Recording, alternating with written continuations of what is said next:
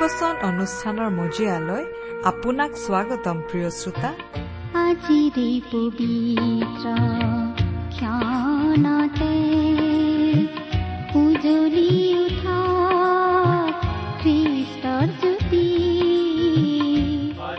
ভক্তিবচন অনুষ্ঠানৰ নিয়মীয়া শ্ৰোতাসকলৰ চিঠি পত্ৰ আৰু টেলিফোনিক বাৰ্তাসমূহে আমাক বৰ উৎসাহিত কৰিছে। ভক্তিবচন পৰিয়ালৰ তৰফৰ পৰা তেওঁলোকলৈ অশেষ ধন্যবাদ জনাইছো। প্ৰভু যীশুৰ বাণীসমূহে শ্ৰোতাসকললৈ আশীৰ্বাদ কঢ়িয়াই অনা বুলি জানিলে আমি কাম কৰি যাবলৈ অধিক বল পাওঁ। ঈশ্বৰে আপোনালোকক এইদৰে সদায় আশীৰ্বাদ কৰি থাকক।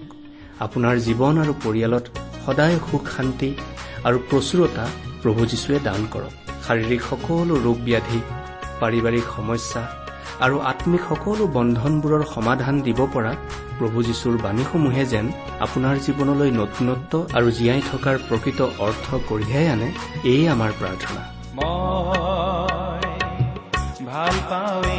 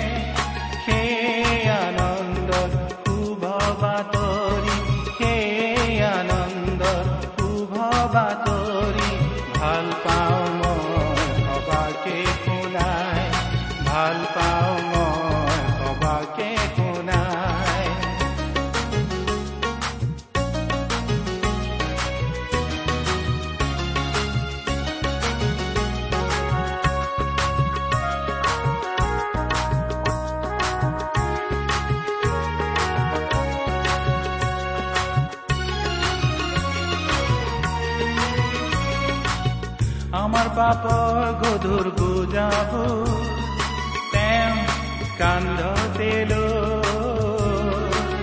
কুশৰ ওপৰত প্ৰাণৰ পিলে আমাৰ জীৱন দিবলৈ আমাৰ পাপৰ গধুৰ বুজাব তেওঁ কান্ধতে কুশৰ ওপৰত প্ৰাণৰ পিলে আমাৰ জীৱন দিবলৈ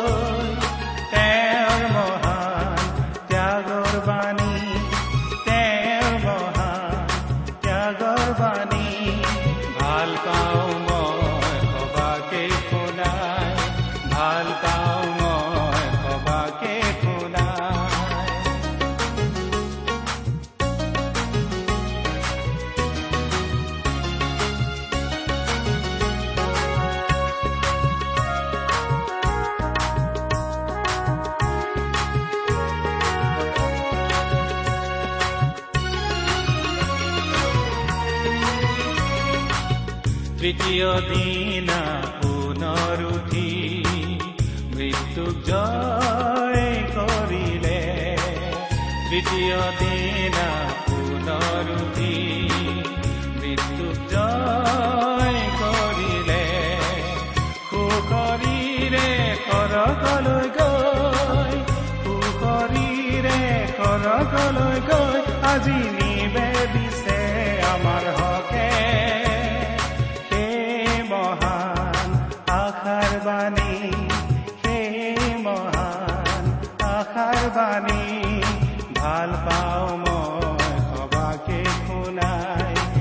আমাৰ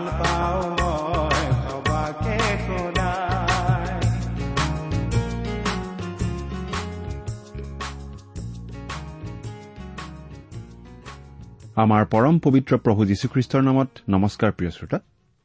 আপোনাৰ ভালনে বাৰু? আশা কৰো আমাৰ মহান পিতা পৰমেশ্বৰৰ মহান অনুগ্ৰহত আপুনি ভালে কুশলে আছে। লগতে আমি এই বুলিও আশা কৰিছো যে আপুনি আমাৰ এই ভক্তিপচন অনুষ্ঠানটো নিয়মিতভাৱে শুনি আছে। প্ৰিয় শ্ৰোতা আমি আমাৰ চিনাকি লোকসকলক ভালে কুশলে থকাটো নিবিচাৰোনে বাৰু? ঈশ্বৰেও আমাক ভাল পায়। আমি ভালে কুশলে থকাটো বিচাৰে। আৰু সেইবাবেই তেওঁ আমাক উদ্ধাৰ কৰিবলৈ তেওঁৰ একেজাত পুত্ৰ যীশুখ্ৰীষ্টক আমালৈ দান কৰিছিল। আমিও আমাৰ শ্ৰোতাসকল ভালে কুশলে থকা বুলি জানিলে ভাল পাওঁ। তেওঁলোকৰ কুশল বাতৰি আমি শুনিব বিচাৰো। সেইবাবেই আমি শ্ৰোতাসকলৰ পৰা চিঠি পত্ৰ পাবলৈ আশা কৰো। আপুনি বাৰু আমালৈ চিঠি পত্ৰ লিখি থাকেনে? অনুগ্ৰহ কৰি আজিয়ে দুখাৰিমান লিখি পঠিয়াবচোন। আহকচোন সদায় কৰি অহাৰ নিচিনাকৈ। আজিও আমাৰ বাইবেল অধ্যয়ন আৰম্ভ কৰাৰ আগতে খন্তেক প্ৰাৰ্থনাত মূৰ দুৱাওঁ। আমি প্ৰাৰ্থনা কৰো।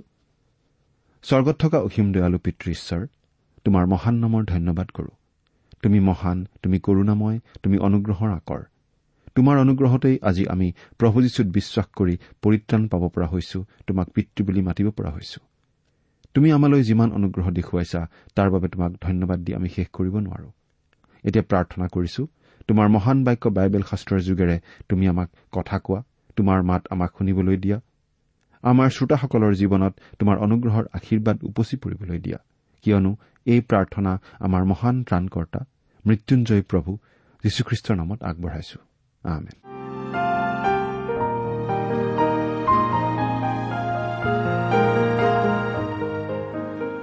প্ৰিয় শ্ৰোতা আমি আজি ভালেমান দিন ধৰি বাইবেলৰ নতুন নিয়ম খণ্ডৰ ইফিচিয়াবিলাকৰ প্ৰতি পত্ৰ নামৰ পুস্তকখন অধ্যয়ন কৰি আছো নহয়নে বাৰু? আজিৰ অনুষ্ঠানত আমি এই ইফিচিয়া পুস্তকৰ ছয় নম্বৰ অধ্যায়ৰ দহ নম্বৰ পদৰ পৰা আমাৰ আলোচনা আৰম্ভ কৰিব খুজিছো। দহ নম্বৰ পদটো পাঠ কৰি দিছো। শেষতে প্ৰভূত আৰু তেওঁৰ শক্তিৰ পৰাক্ৰমত বলৱন্ত হোৱা। শেষতে মানে চিঠিখনিৰ সামৰণিত।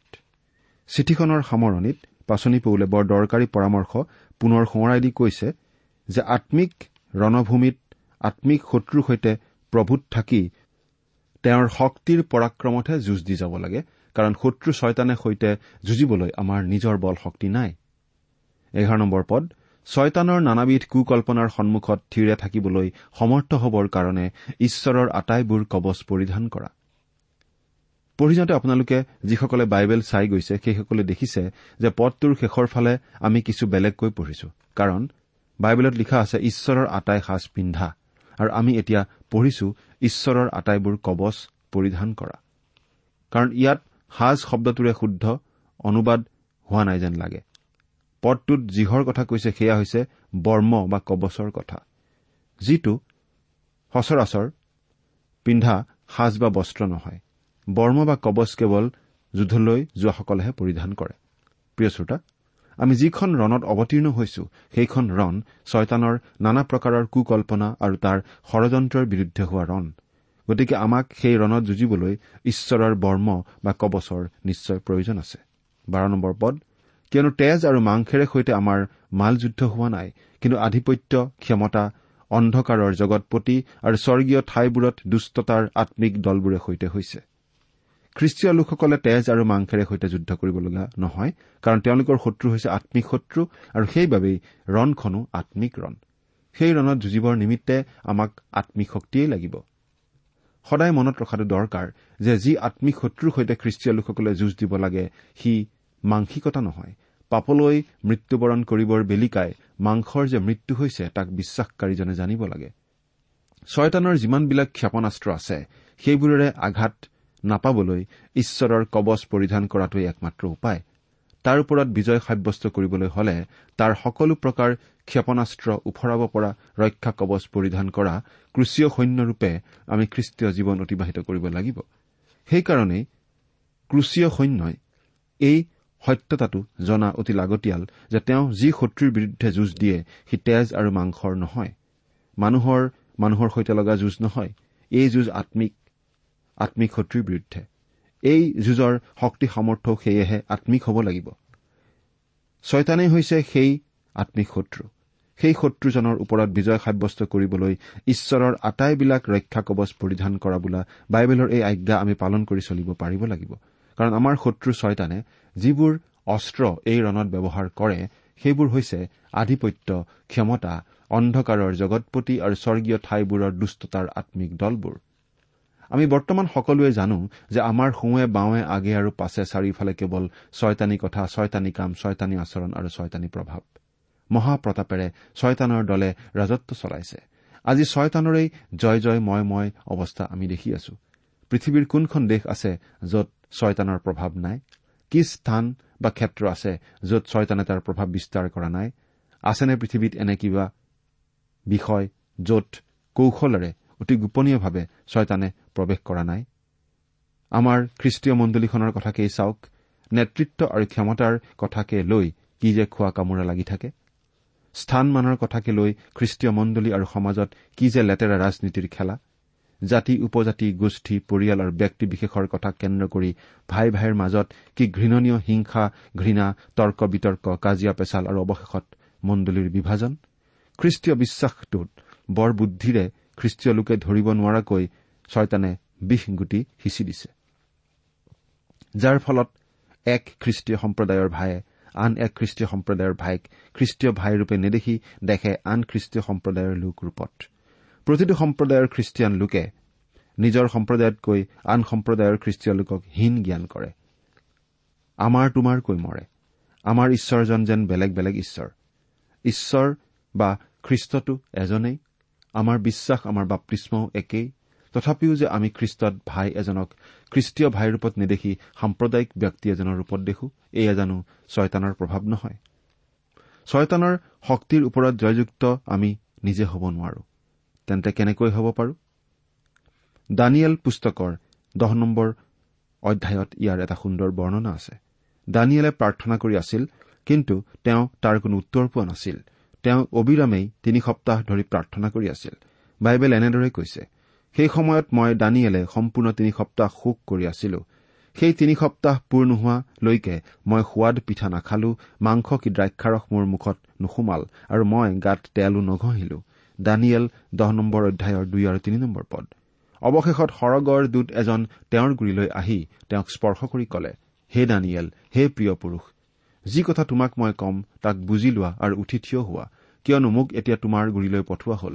তেওঁ মোক সেই কথা কলত মই উঠি থিয় হৈ কঁপিব ধৰিলো। দানিয়েল দহ অধ্যায় এঘাৰৰ বাৰ পদ।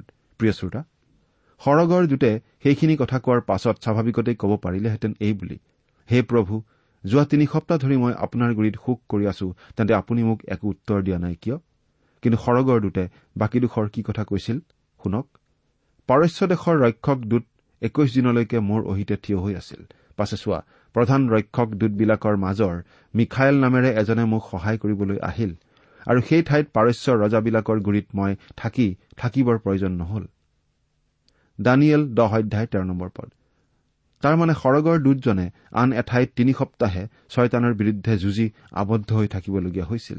সেয়া আছিল আম্মিক যুঁজ। সেইদৰে আমাৰ নিমিত্তেও আজি সেই একেজনা আম্মিক শত্ৰু আছে। বিবিধ ধৰণৰ তাৰ শক্তিবোৰ। আধিপত্য ক্ষমতা অন্ধকাৰৰ জগতপতি আৰু স্বৰ্গীয় ঠাইবোৰৰ দুষ্টতাৰ আম্মিক দলসমূহ। পৃথিৱীত আজি যিবোৰ ডাঙৰ ডাঙৰ সমস্যা গা কৰি উঠিছে সেইবোৰ দিয়াবল ছয়তানৰেই কাম। আমাৰ আম্মিক ৰণথলীৰ এইজন শত্ৰুক আমি দেখা পোৱা আৰু জানি থোৱা বৰ প্ৰয়োজন। একমাত্ৰ আম্মিক শত্ৰু সিয়েই। পৃথিৱীত যিমানবিলাক মন্দ কাম চলি আছে সেই আটাইবোৰৰ সভাপতি সিয়েই। চলেবলৈ কৌশলে মণ্ডলীখনক সাংসাৰিক কৰি তোলা বিপথে গমন কৰোৱা আৰু এনেকৈ উদাৰপন্থীৰ ভূমিকা লোৱাত ছয়তানেই ঘাগু পৰামৰ্শদাতা? সেয়েহে খ্ৰীষ্টীয় মণ্ডলীখনে আজি জনা প্ৰয়োজন ৰণখন আচলতে কোনখিনিত চলিছে? গতিকে প্ৰশ্নটো আচলতে হ'ব লাগে আমাৰ মণ্ডলীৰ ভাই ভনীসকলক খ্ৰীষ্টত আমি গঢ়ি তুলিব পাৰিছোনে? আমাৰ মণ্ডলীত দান পোন উঠা নাই কিয়? এয়া আচল প্ৰশ্ন নহয়। খ্ৰীষ্টীয় মানুহজনৰ খ্ৰীষ্টীয় মনটোক যদি ছয়তানে পনীয়া কৰিব পাৰে তেতিয়া সি ভালদৰে জানে যে মণ্ডলীত দান নুঠিব। কাৰণ মন পনীয়া হোৱা মানুহজনৰ জেপতেই দান পইচাখিনি থাকে। ধূৰ্ত ছয়তানে জ্বৰ পইচাত নধৰে কাৰণ পইচাই নিজে একো সিদ্ধান্ত নলয় সিদ্ধান্ত ল'ব নোৱাৰে। সি মানুহৰ মনত ধৰে। সি বৰ ধূৰ্ত। সি জানে যে খ্ৰীষ্টত থকা ব্যক্তিৰ মনে দান দিয়ে।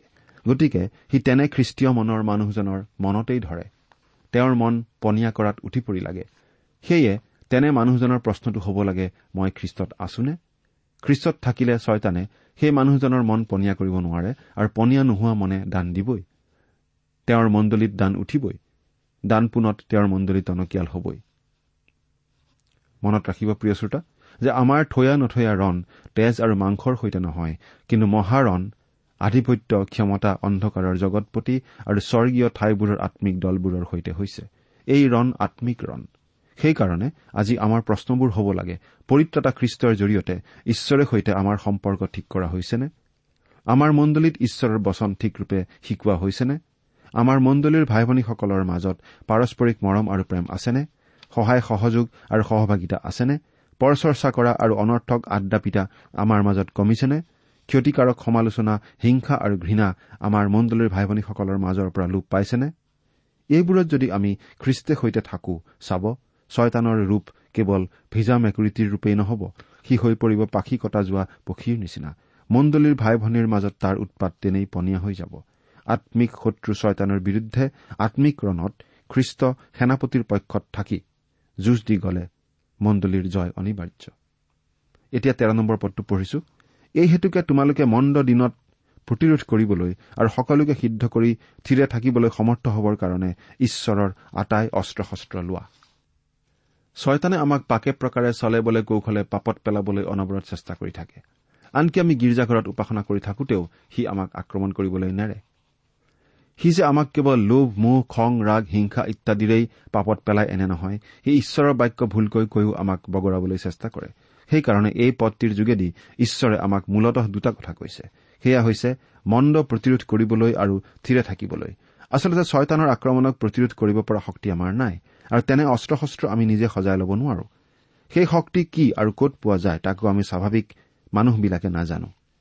কিন্তু ঈশ্বৰ দয়ালু হেতুকে তেওঁ কেৱল আমাৰ শত্ৰুক চিনাকি কৰি দিয়েই এৰা নাই তাক প্ৰতিৰোধ কৰিব পৰা অস্ত্ৰ শস্ত্ৰৰ লগতো আমাক চিনাকি কৰি দিছে আৰু সেই অস্ত্ৰৰ সহায়ত বাগৰি নপৰাকৈ থিৰে থাকিব পৰা শক্তিও আমাক দিছে।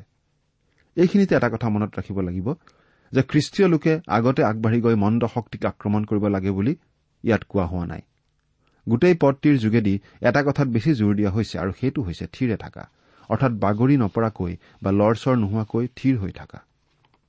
ইব্ৰী বাৰ নম্বৰ অধ্যায় এক আৰু দুই নম্বৰ পদত এনেদৰে লিখা আছে এতেকে ইমান মেঘৰূপ সাক্ষীয়ে আমাক বেৰি থকা দেখি আহা আমিও আটাই বাধা আৰু আমাক লগ ধৰি থকা পাপ দূৰ কৰি আমাৰ আগত থকা দৌৰৰ পথত ধৈৰ্যৰে দৌৰো হওক আৰু আমাৰ বিশ্বাসৰ আদি আৰু সিদ্ধিকৰ্তা যীশুলৈ চাই থাকো হওক। তেওঁ তেওঁৰ আগত থকা আনন্দৰ নিমিত্তে অপমানকে হয়জ্ঞান কৰি ক্ৰুচ যন্ত্ৰণা সহন কৰি ঈশ্বৰৰ সিংহাসনৰ সোঁফালে বহিল। প্ৰিয় শ্ৰোতা এই কথাখিনিৰ পৰা আমি অতি ভালদৰে বুজি পাইছো যে বাইবেলে আমাক যেতিয়া খ্ৰীষ্টৰ সজ সৈনিক হবলৈ কৈছে তাৰ মানে আমাক যুদ্ধ কৰিবলৈ কোৱা নাই। কিন্তু বিশ্বাসত থিৰে থাকিবলৈহে কৈছে। তেনে কৰিলে আমি সঁচাকৈ জগতৰ যুঁজত জয়লাভ কৰিমেই। এতিয়া চৈধ্য আৰু পোন্ধৰ নম্বৰ পদ দুটা পঢ়িছো শুনিবচোন। এতেকে প্ৰত্যেকে কঁকাল বান্ধি ধাৰ্মিকতাৰ বুকুবৰি পিন্ধি থিৰে থাকা। শান্তিৰ শুভবাৰ্তা প্ৰস্তুততাৰ জোতা ভৰিত পিন্ধি থিৰে থাকা। এয়া চতুৰ্থবাৰৰ বাবে পৌলে খ্ৰীষ্টীয় লোকসকলক থিৰে থাকিবলৈ নিৰ্দেশ দিছে।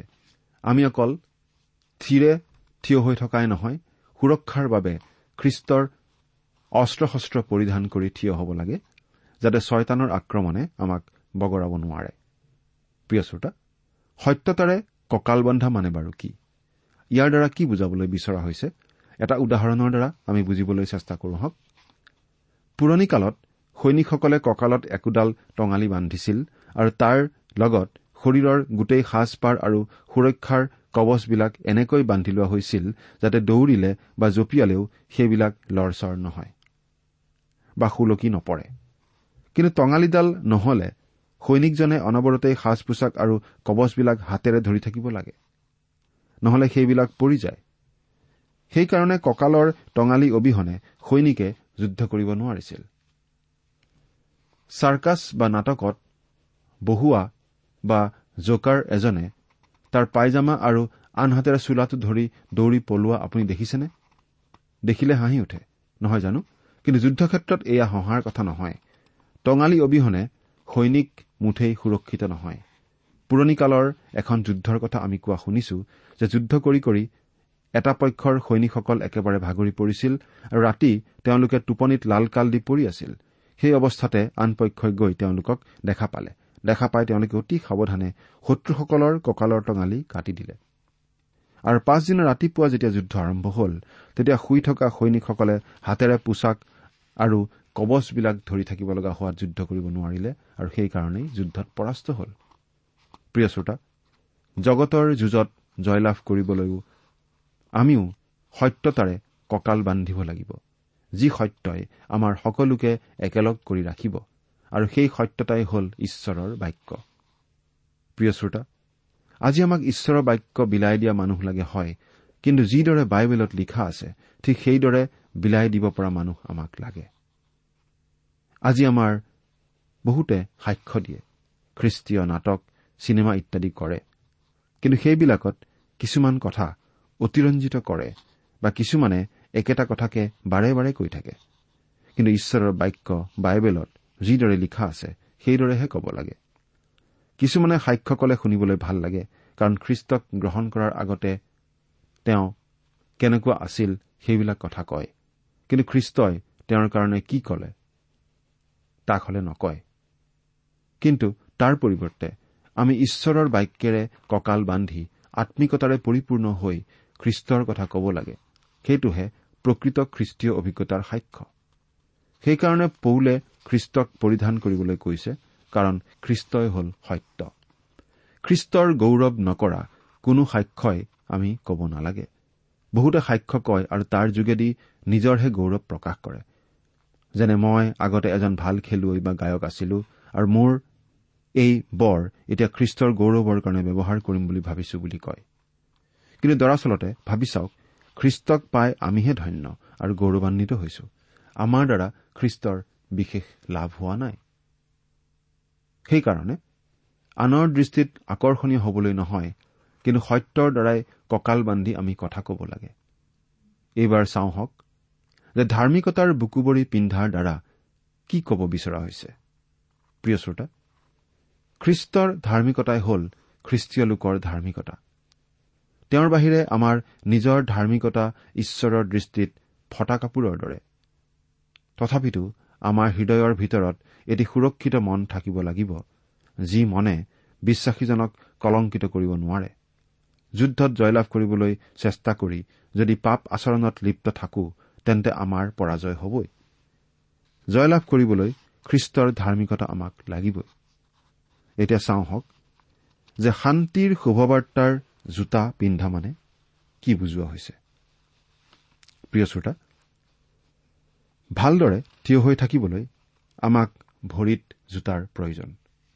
জোতাই ভেটিক বুজায় আৰু খ্ৰীষ্টই হ'ল তেওঁৰ বিশ্বাসকাৰীসকলৰ ভেটি। এই বিষয়ে প্ৰথম কৰিন্থিয়া তিনি নম্বৰ অধ্যায়ৰ এঘাৰ নম্বৰ পদত আমি এইদৰে পাওঁ কিয়নো যি স্থাপন কৰা হ'ল তাৰ বাহিৰে আন ভিত্তিমূল কোনেও স্থাপন কৰিব নোৱাৰে। সেই ভিত্তিমূল যীশুখ্ৰীষ্ট। এই জগতত থকা কালত আমি খ্ৰীষ্টৰ ভিত্তিমূলত ভৰিত শান্তিৰ জোতা পিন্ধি যদি সত্যতাত থিৰে থাকি থিয় হওঁ তেন্তে ছয়তানৰ আক্ৰমণত আমি কেতিয়াও পৰাস্ত নহম। এয়া হ'ল এজন সজ খ্ৰীষ্টীয় সৈনিকৰ সুৰক্ষা কবচ। প্ৰিয় শ্ৰোতা আজি আমি এজন খ্ৰীষ্টীয় সৈনিকৰ সুৰক্ষাৰ বিষয়ে ইফিচিয়া পত্ৰৰ ছয় নম্বৰ অধ্যায়ৰ এই দহ নম্বৰ পদৰ পৰা পোন্ধৰ নম্বৰ পদলৈকে পঢ়ি আলোচনা কৰিলো। আশা কৰো এই আলোচনাৰ যোগেদি আপুনি আম্মিক ক্ষেত্ৰত লাভৱান হৈছে। এই বিষয়ে আমি অহা অনুষ্ঠানতো আলোচনা কৰিম। অহা অনুষ্ঠানটি শুনিবলৈ যেন নাপাহৰে। অনুষ্ঠান সামৰাৰ আগতে এটা বিশেষ কথা আপোনাৰ চিন্তাৰ বাবে আগবঢ়াব খুজিছো। দুটা পক্ষৰ মাজত যুদ্ধ কেতিয়া হয়? যেতিয়া কোনো এটা পক্ষই আন এটা পক্ষক আক্ৰমণ কৰে তেতিয়া নহয় জানো? ছয়তানৰ লগত খ্ৰীষ্টীয় বিশ্বাসীৰ যুঁজ কিয় চলি থাকে? কাৰণ ছয়তানে অনবৰতে খ্ৰীষ্টীয় বিশ্বাসীক আক্ৰমণ কৰি থাকে। কিয়? ছয়তানৰ উদ্দেশ্য কি? ছয়তানে বিচাৰে যাতে খ্ৰীষ্টীয় বিশ্বাসীজন পাপত পতিত হয় আৰু সফল খ্ৰীষ্টীয় জীৱন যাপন কৰিব নোৱাৰা হয় যাতে খ্ৰীষ্টৰ শুভবাৰ্তা ঘোষণা কৰিব নোৱাৰা হয় যাতে সাক্ষ্য দিব নোৱাৰা হয়। যুদ্ধত পতিত হোৱাজনক কিন্তু শত্ৰুৱে আক্ৰমণ আৰু নকৰে। থিয় হৈ থকাজনকহে যুঁজ কৰি থকাজনকহে শত্ৰুৱে আক্ৰমণ কৰিব গৰাবলৈ চায়। গতিকে আমি যদি খ্ৰীষ্টীয় বিশ্বাসী হিচাপে উচিতভাৱে জীৱন কটাই থাকো তেনেহলে আমি ছয়তানৰ আক্ৰমণো অনুভৱ কৰিম। তাত সন্দেহ নাই। সেই আক্ৰমণ কেনেদৰে প্ৰতিৰোধ কৰিব লাগে আমি পঢ়িলো। কিন্তু আন এটা কথাই আমি সুধিব খুজিছো। আপুনি বাৰু ছয়তানৰ আক্ৰমণ অনুভৱ কৰেনে? আপোনাৰ জীৱনত? যদি কৰা নাই আপুনি নিশ্চয় খ্ৰীষ্টৰ হকে থিয় দিয়া নাই। এই প্ৰশ্নটো আপুনি নিজকে কৰি চাওকচোন। খ্ৰীষ্টক আপুনি আপোনাৰ প্ৰভু আৰু ত্ৰাণকৰ্তা হিচাপে গ্ৰহণ কৰিছেনে? তেওঁৰ হকে আপুনি থিয় দিছেনে? তেওঁৰ পৰিচৰ্যাত আপুনি ভাগ লৈছেনে? তেন্তে ছয়তানৰ আক্ৰমণো আপুনি নিশ্চয় অনুভৱ কৰিব। ছয়তানৰ আক্ৰমণ প্ৰতিহত কৰি সফল বিজয়ী খ্ৰীষ্টীয় জীৱন যাপন কৰাত ঈশ্বৰে আপোনাক সহায় কৰক। প্ৰিয় শ্ৰোতা ইমান পৰে আপুনি বাইবেল শাস্ত্ৰৰ পৰা ঈশ্বৰৰ বাক্য শুনিলে এই বিষয়ে আপোনাৰ মতামত জানিবলৈ পালে আমি নথৈ আনন্দিত হ'ম। আমি প্ৰস্তুত কৰা বাইবেল অধ্যয়নৰ চিডিসমূহ পাব বিচাৰিলে আৰু অনুষ্ঠানত প্ৰচাৰ কৰা কোনো কথা বুজিব লগা থাকিলেও আমালৈ লিখক। আমাৰ যোগাযোগৰ ঠিকনা ভক্তিবচন ট্ৰান্সৱৰ্ল্ড ৰেডিঅ' ইণ্ডিয়া ডাক বাকচ নম্বৰ সাত শূন্য গুৱাহাটী সাত আঠ এক শূন্য শূন্য এক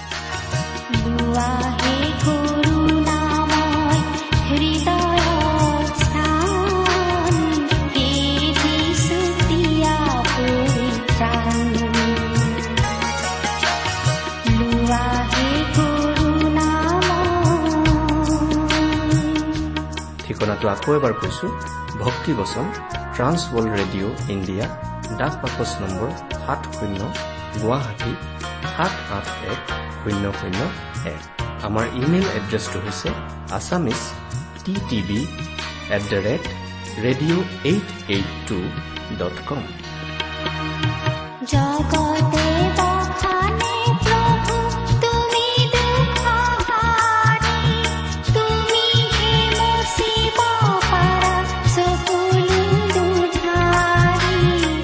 আমাৰ website W W W dot T W R dot in